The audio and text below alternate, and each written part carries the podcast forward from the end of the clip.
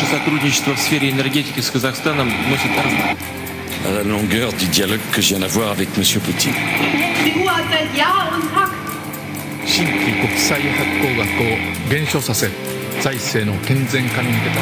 símbolo del fascismo en Sudamérica. मगर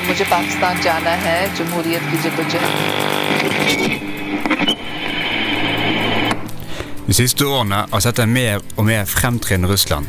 Dette endret sikkerhetssituasjonen i Europa. Norge grenser til Russland, og flere har uttalt seg i media om at det norske forsvaret bør trappes opp. Likevel påstår regjeringen og Forsvaret selv at Russland ikke er en militær trussel for Norge.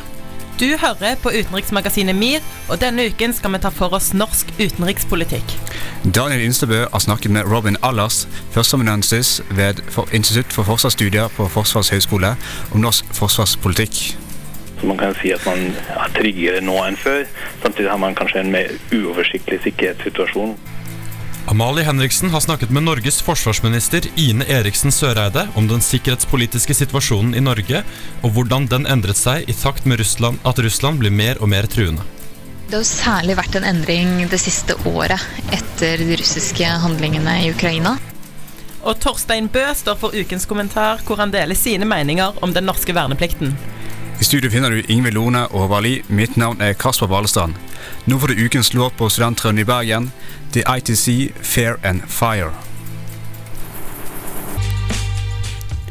Vår medarbeider Daniel Instebø har snakket med førsteamanuensis Robin Ellers ved Forsvarets høgskole om bl.a. hvordan Norges rolle i Nato har forandret seg siden den kalde krigens slutt. Nato, Ukraina, Russland. Norge er et lite land i en stor verden. Bak all idyll og fred man opplever her i Norge, skjuler det seg konflikter som sjøl fredelige Norge er en del av. Så hva gjør vi? Hvordan er sikkerhetspolitikken vår? Er vi trygge i Norge? Og hva er Norges rolle i Nato? Jeg har snakket med Robin Allers, førsteamanuensis ved Senter for norsk og europeisk sikkerhet ved Institutt for forsvarsstudier på Forsvarets høgskole. Jeg spør han om hvordan forsvarspolitikken har utviklet seg fra 50-tallet og frem til i dag. Jeg vil kanskje først si at det er preget av en høy grad av kontinuitet. Så at eh, Norge både under den kalde krigen og fram til i dag er preget av balansen mellom ulike hensyn.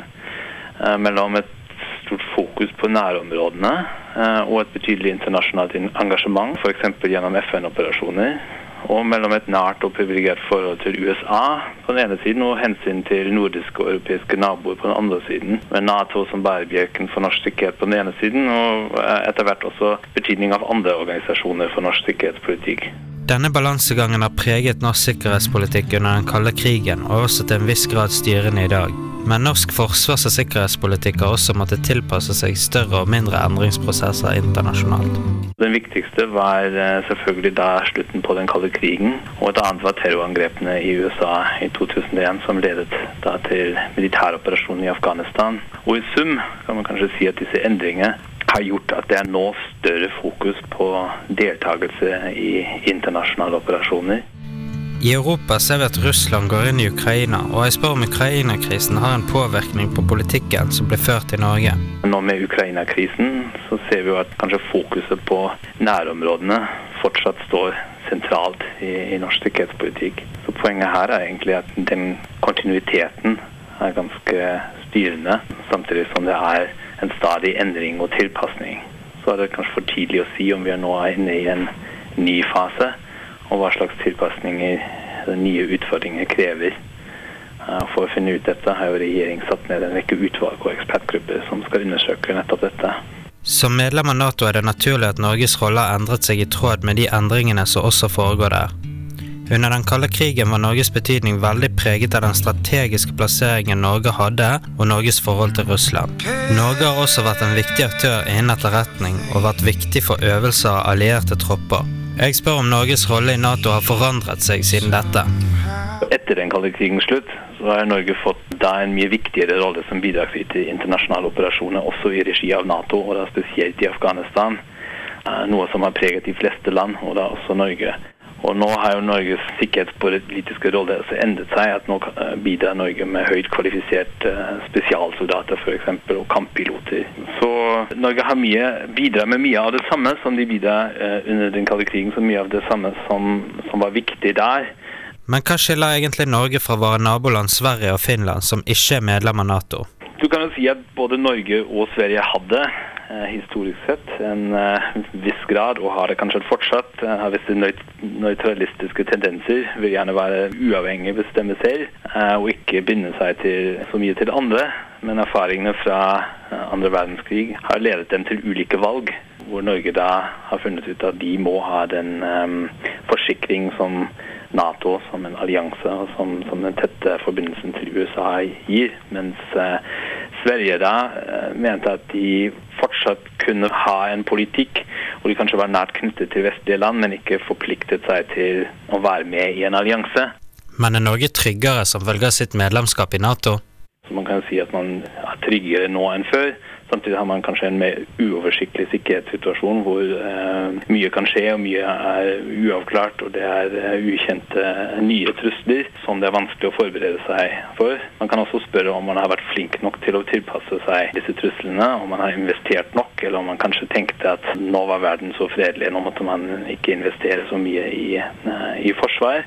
Men når alt kommer til alt, så er jo norsk sikkerhet eh, nå i høyeste grad avhengig av alliansen og medlemskap i alliansen, og avhengig av den sikkerhetsgarantien som spesielt da USA står for. Og um, det gjør nok Norge så trygg at de ikke føler, uh, føler seg utrygg, eller ikke har noen grunn til å uh, føle seg spesielt truet. Konklusjonen er altså at Norge pga. sin strategiske plassering historisk sett har hatt et større behov for å knytte bånd og søke beskyttelse enn sine naboer i øst. Det blir spennende å se om Sverige og Finland kan opprettholde sitt nøytralitetsprinsipp i lys av hva som skjer i Europa i dag. Med norske øyne kan man si at Norge er et trygt land under god beskyttelse fra Nato, en organisasjon hvor vi sjøl bidrar med omfattende ekspertise. Vi i utenriksmagasinet MIR takker Robin Allers for at han stilte opp på dette intervjuet. Mitt navn er Kåre Willoch. Du lytter nå til Studentradioen.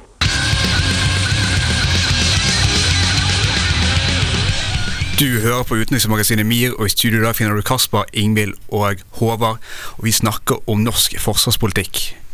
Lederen av Norsk offiserforbund, Egil André Aas, uttalte denne uken at han ikke tror at Finnmark kommer til å bli angrepet av Russland, men om så skulle skje, så ville ikke hatt en sjanse til å forsvare Finnmark.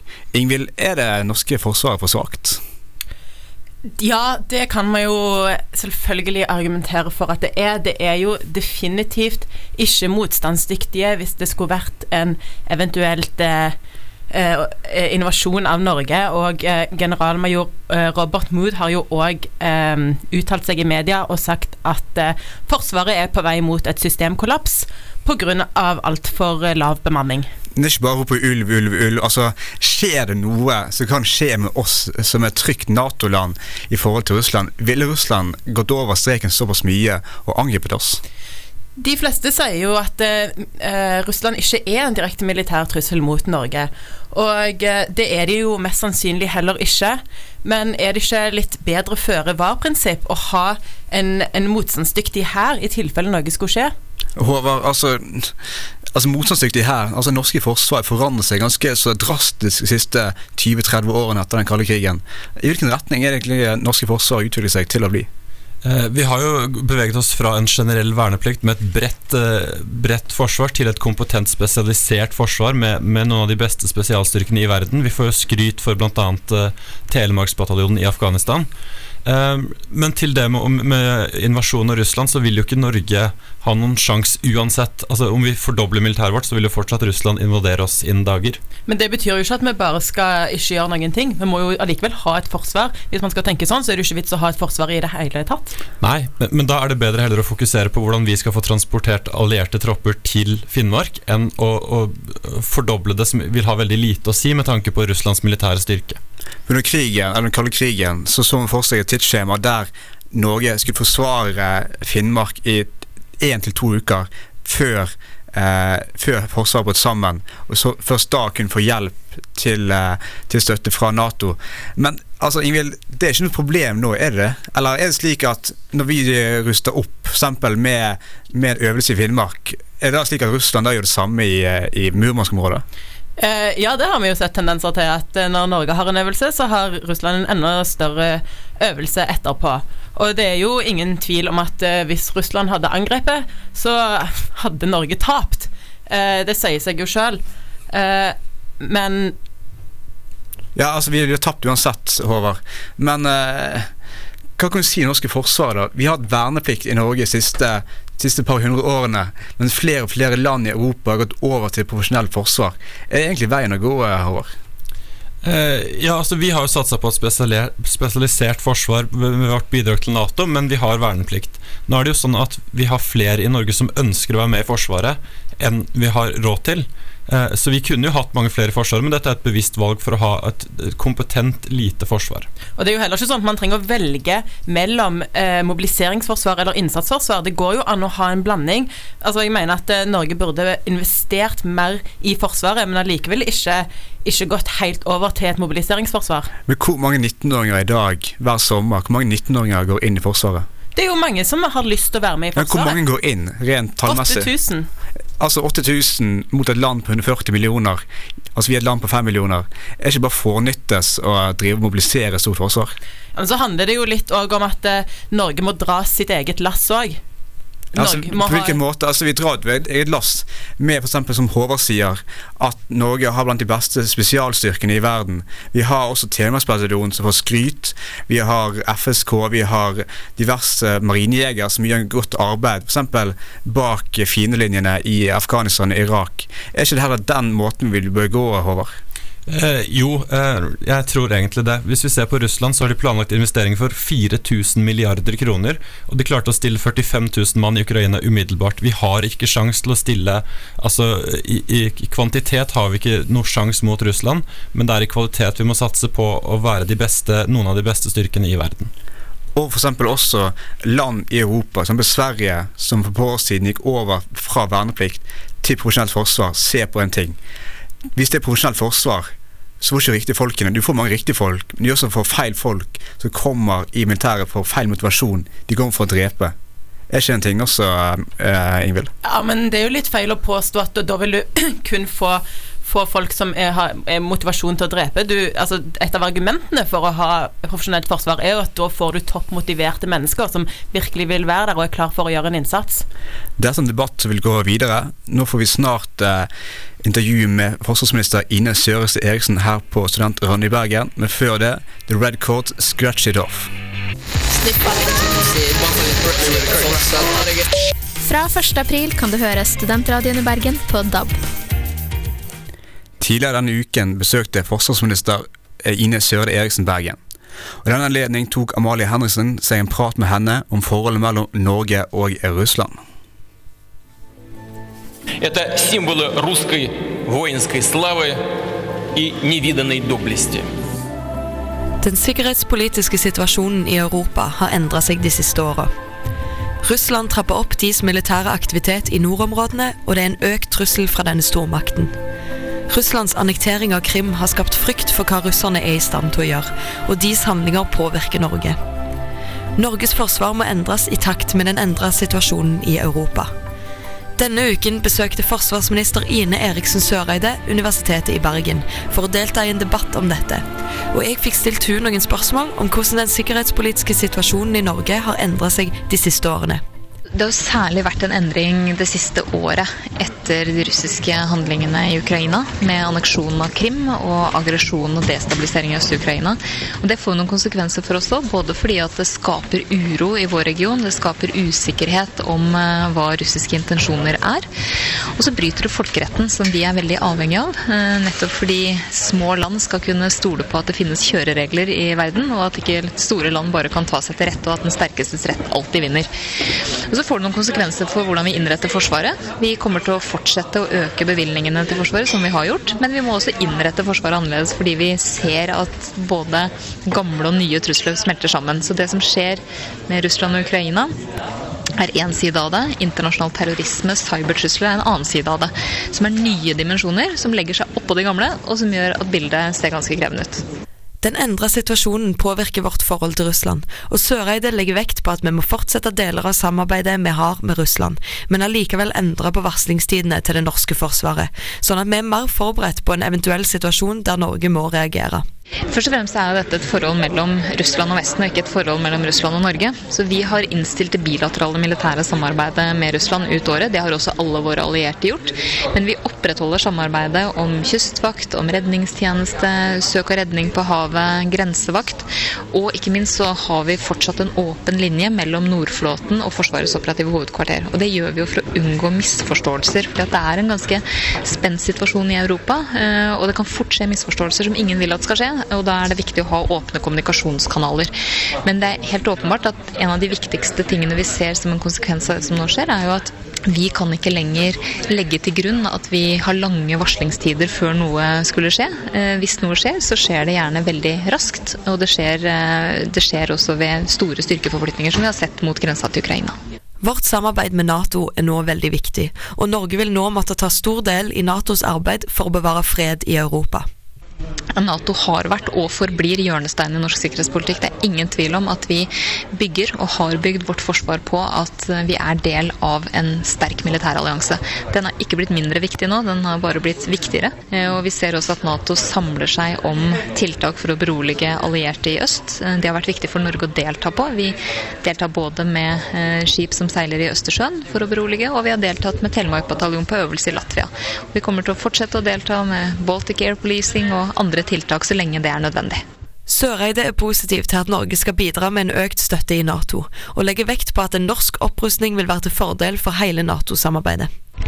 Norge er jo blant de landene som både har en positiv økning i sine forsvarsbudsjetter, og som investerer mer enn det målet Nato har satt på 20% Og Det er viktig, fordi det vi investerer i dag, forteller noe om forsvarsevnen vår 5-10-20 år fram i tid.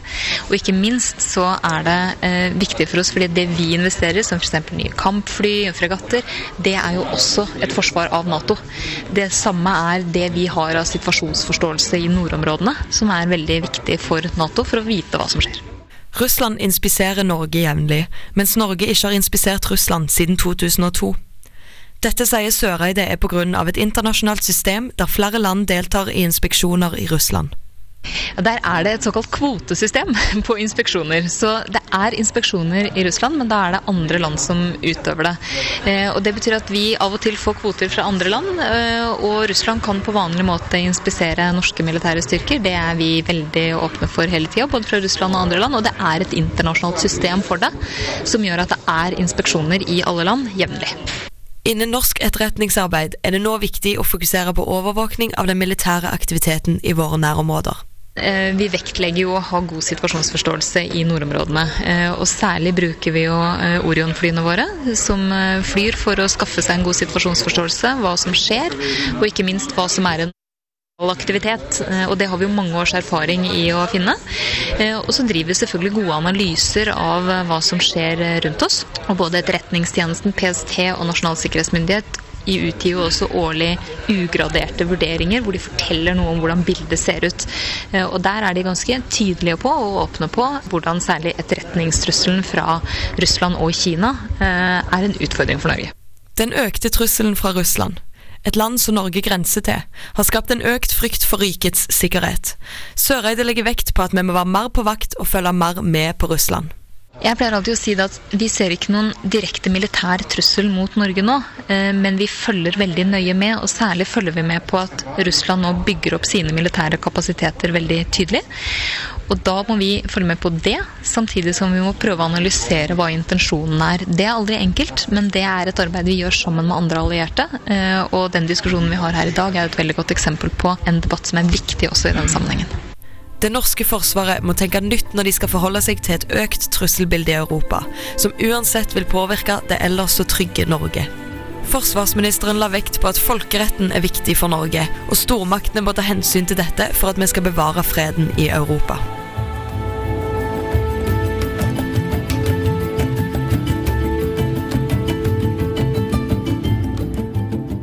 And we go a little something like this. Hit it. President Obama said he did not feel that he deserved to be in the company of so many. The committee has attached special importance to, to Obama's vision of and work for a world free from nuclear that have been honored by this prize and whose courageous pursuit of peace has inspired the world.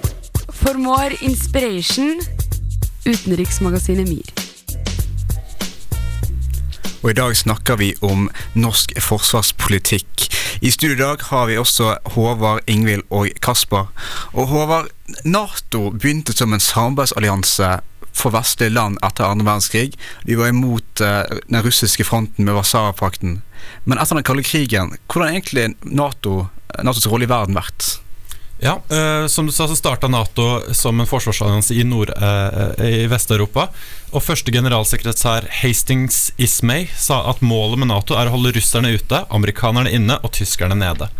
Eh, etter 1989 så ble dette bildet litt forandret ved at veldig mange av eh, tidligere Warszawapakt-land, altså motsatsen til Nato, ble med i Nato. Eh, og, nå er jo nærmest hele Europa med i Nato. Nato har ikke noen stor hovedfiende som er likeverdig. De står omtrent for 70% av militærutgiftene i verden. Og det er også mange oppdrag andre, på, andre kontinenter, f.eks. i Afghanistan. Jeg forstår etter den kalde krigens sammenbrudd at uh, det fantes ingen fiende lenger. Den fienden som kom, var nede i, i, Irak, var i Afghanistan, langt borte. Hva førte egentlig for dette for Nato-land? Hvordan, altså, hvordan var utviklingen rent militærmessig i land som f.eks. Storbritannia, Frankrike osv.? Uh, Nato, uh, fordi det ikke var noe spesiell uh, trussel lenger, så ja, så, som du sier, så dro de dro de ned til Midtøsten, for, altså det var der fienden var. Og for, det er jo naturlig, det, at du drar der, der, det, der, du ser at det er en fiende. Og bare fordi fienden er langt vekke, så betyr jo ikke det at det ikke er en reell trussel. Men Håvard, nå så vi eksempel I fjor høst så så vi at det var en stor militærøvelse i Latvia bl.a. Hva egentlig skjedde der med Norsk telemarksbataljon? Eh, ja, Norge har deltatt eh, både der, og senere har vi hatt en stor øvelse i Finnmark. og Dette er jo for å eh, Russerne vil nok kalle det å provosere, men det er for å vise Nato sin tilstedeværelse i Baltikum og i Polen og videre i Øst-Europa, for å vise at det ikke skal være lett å gjøre som man gjør med Ukraina, som man har gjort med eh, Ukraina og Georgia, med Nato-land. Men altså, for eksempel, som andre verdenskrig sa, før det vi ga opp, Først ga de opp Tsjekkoslovakia, så ga de opp Østerrike, og så ga de opp også Polen. Er det slik at vi bare lar Russland gå litt og litt lenger øst? Eller blir det liksom Nei, ok, når det kommer til Polen, så er det full stopp? Uh, nei, det tror jeg ikke det er. Altså, det som har skjedd den, i de siste årene nå, det er jo at uh, Nato spiser seg lenger og lenger øst mot Russland. Som man selvfølgelig kan se fra Russland sitt ståsted som en, en trussel. Men jeg vil jo argumentere for at eh, alle disse landene øst i Europa har jo lyst til å være med i Nato. Og da skal jo selvfølgelig ikke Nato nekte de å være med. Ja, men Det er riktig slik de da forsvares med da Nato. ok, nei, Vi skal gå lenger øst for å sikre at de ikke blir tatt av den store favnen som Russland er. Men er dette bare å skape et fiendebilde, et urealistisk fiendebilde, Ingvild? Uh, ja, det provoserer jo Russland, og man kan jo si at det er unødvendig av Nato å provosere Russland på den måten, men jeg syns likevel at uh, Nato gjør rett i å gjøre det. De landene som vil være med i Nato, og som Nato vil ønske hjertelig velkommen, skal selvfølgelig få lov til å være med. Det gjør Nato sterkere. Ja. ja. Men altså, Håvard, altså midt under Krimkrisen så var det snakk om plutselig at Frankrike skulle selge, eh, skulle selge fregatter og båter til Russland. Altså, Det er ikke feil å si på den ene siden ok, vi nå er i Nato, ok, nå skal vi eh, forsvare øst mot eh, Russland, men samtidig ok, nei, for, for å gå litt i overskudd rent militærmessig på salg, så kan vi gå og selge litt båter. Eh, ja, eh, hele Europa skrek etter sanksjoner mot eh, Krimkrisen, men dette er jo vanskelig spesielt for både Frankrike og Tyskland. Frankrike selger masse våpen til Russland, og Tyskland sender, selger mye av industri og biler til Russland. Så det, det, er ikke sånn at sanksjoner bare rammer Russland, men det går begge veier. Så det er tungt å gjøre tunge sanksjoner mot Russland når du har store avtaler på f.eks. krigsfregatter, som Frankrike hadde. Og Ingvild, altså men Nato taler jo ikke med én stemme. Du har Med ene siden så er det jo eh, USA som krever ok, Russland må stoppes. Men på den andre siden så er det Angela Merkel i Tyskland som personlig har et ganske godt forhold til Putin. Altså, Hvilken vei bør Nato gå? Bør det være appeasement, som Merkel gjør, eller bør det være med aggressivt hardliner, som eh, USA bl.a. Uh, står for? Eh, det er jo selvfølgelig en eh, veldig ulempe å være uvenner med Russland. Så jeg syns at Angela Merkel, eh, den veien er kanskje veien å gå. Ha en dialog. Altså, De fleste konflikter kan løses uten væpna krig, løses med, med samtaler. Og det er kanskje Jeg vet ikke, kanskje det er enklere for USA å ha den aggressive holdningen fordi de er lenger vekke? Ja, vi må huske på at dette er jo ikke fordi Merkel er grei at hun, hun er venn med, med, Putin. Det er jo enorme interesser der. Eh, 30% av Europas energi kommer fra russisk gass. Eh, hvis Russland skrur av det, så blir det store problemer. Eh, og selv om en del tyskere er vennlige mot Russland, så er dette mer et avhengighetsforhold enn et, et varmt brorskap. Jo, men det betyr jo ikke, selv om det ikke er veldedighet mot Russland, så betyr jo ikke det at det er feil måte å gå. Altså, Å beholde eh, en, en god dialog med Russland må jo være bedre enn den aggressive siden USA viser. Helt sant. Og spørsmålet blir om vi skal ha bli venner med USA, eller eh, uvenner med Russland, eller motsatt. Hva er best? Altså Russland er et, eh, et naboland. USA ligger ganske langt borte. Nå får vi Kajsa Sik med 'State of Low' her på Studentradioen i Bergen. Du hører på utenriksmagasinet MIR. But I want to say one thing to the American people. I did not have sexual relations with that woman, Miss Lewinsky. I never told anybody to lie, not a single time, never. Sannheten kommer alltid for en dag i utenriksmagasinet MIR. Og I dag snakker utenriksmagasinet MIR om norsk forsvarspolitikk. I studio har du Kasper, Håvard og Ingvild. Og eh, Ingvild, Norge har de siste årene vært en ganske deltakende eh, part i konflikter, som i eh, Sri Lanka og Sudan. Ikke som krigskonflikt, men som diplomatisk. Men det kommer ikke litt feil i forhold til også at Norge ganske, selger ganske mange våpen til utlandet? Jo, Norge liker jo å fremstå som en fredsnasjon, og blir av veldig mange land ansett som en fredsnasjon. Eh, men eh, Norge har vært blant verdens 20 største våpeneksportører de siste 60 årene, ifølge Stockholm International Peace Research Institutes. Så ja, Norge selger mye våpen til utlandet. Håvard, men uh, altså, fra 1945 til rundt 2010-11-12 så delte ikke Norge ut medaljer for militær innsats i ikke i krig, kan du si, men for, i, i konflikter. Men plutselig så begynte de å dele ut medaljer. Hva er egentlig bakgrunnen for dette? Uh, ja, Vi begynte å dele ut, dele ut, krigskors igjen i 2010. Uh, eh, og Det kan jo bli tolket av mange land som en, eh, en økt bevisstgjøring av våre egne militære innsatser. Og Det har også blitt mer aktuelt med at vi faktisk er med i krig. Vi har vært med på bombing av Libya, vi har vært med i Afghanistan-krigen, vi har vært med i Nato-operasjoner. Vi skal nå ned til Syria, til Irak og trene opp irakiske styrker. Mens i mellomkrigstiden så var vi, vi var ikke med i de, de store krigene som foregikk. Vi var ikke med i Korea- eller Vietnamkrigen, f.eks. Ja, Ingvild, vi var ikke med i krigen her. sant? Vi var et veldig diplomatisk land. Men som vi snakket om i sted, så var det snakk om at Norge skulle ruste opp. Kommer dette i konflikt med bildet av Norge som skal være en fredsnasjon, dype daler, troll, sneg, alle glade mennesker? Jo, selvfølgelig gjør det det. Hvis Norge ruster opp eh, sitt forsvar, eh, bruker mye mer penger på det, får et eh, stort mobiliseringsforsvar, så selvfølgelig kommer det til å og da kommer det til å være slutt på dette glansbildet av fredsnasjonen Norge. Eh, men jeg syns på en måte at Norge allerede eh, gjør en del ting som tilsier at vi ikke er den fredsnasjonen vi gjerne tror sjøl at vi er. Dette med, dette med, at vi selger våpen. Ikke bare selger vi våpen direkte til andre land, vi selger òg veldig mange deler som blir brukt til våpen. Ja, For f.eks. Namo på Raufoss, ammunisjonsfabrikken der og Kongsberg Gruppen selger mye ammunisjon og våpen. Men hvor mye egentlig, Håvard? Eh, nei, vi vet jo ikke Det er jo ikke transparent, det her. Vi vet jo ikke alle vi selger til, og vi vet ikke Vi har ikke noen garanti for at det vi selger til, ikke går videre. Vi selger jo selvsagt til allierte, f.eks. USA, men vi har ikke noen garanti for at de bruker det andre steder. Ja, Hva mener du da? Hvordan, skal nå, akkurat, hvordan kan du selge utenfor?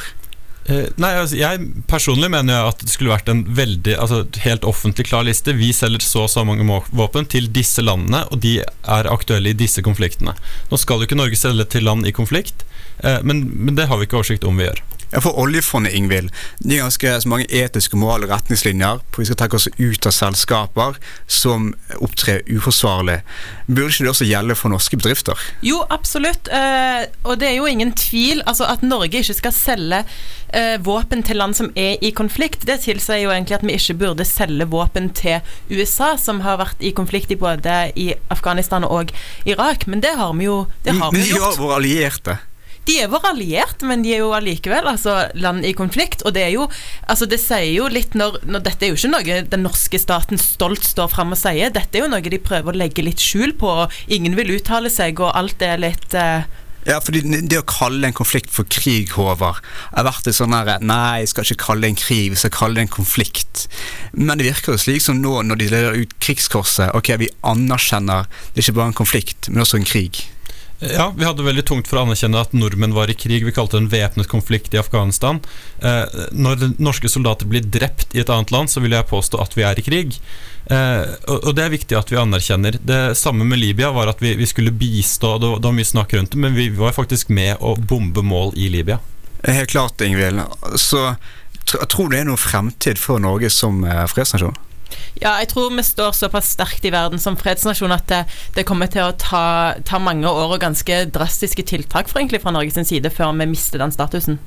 Vi får snart uh, ukens kommentar av Torstein Bø, men før det I Don't Speak French, Dawn of the New Age. Ja, som eh, jeg, Kasper Valstrand, jeg har også vært i eh, militæret. Det samme har Torstein Bø. Og I ukens kommentar så tar han for seg nettopp hvordan det er å være i militæret. 24902 Bø stiller våpen 08856 klar til inspeksjon. Jeg, som mange andre nordmenn, har utført førstegangstjeneste. En tradisjon som Norge er en av få vestlige land som fortsatt gjennomfører. Verneplikten lever fortsatt i beste velgående, men den har lenge blitt kraftig kritisert. Den kanskje kraftigste kritikken kom fra tidligere forsvarssjef Sverre Disen. Han argumenterte for at hvis 22.07 var en sikkerhetspolitisk krise, ville den ene delen av Kampbrigade Nord, vår største styrke, vært dimittert for en måned siden, og den andre ville vært tre måneder fra å være kampklar. Ett år er ikke lenge nok til å utdanne godt nok trente soldater. Norge får bedre beredskap, bedre soldater og bedre investeringer hvis hele Forsvaret var profesjonelle, men her må jeg verne plikten.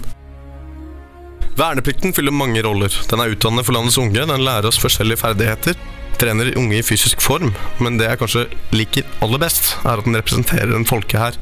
I krigstid kan alle tjenestedyktige innkalles til strid. Antallet som har gjennomført tjeneste, er i dag relativt lite i forhold til tidligere. Det er allikevel én av seks nordmenn.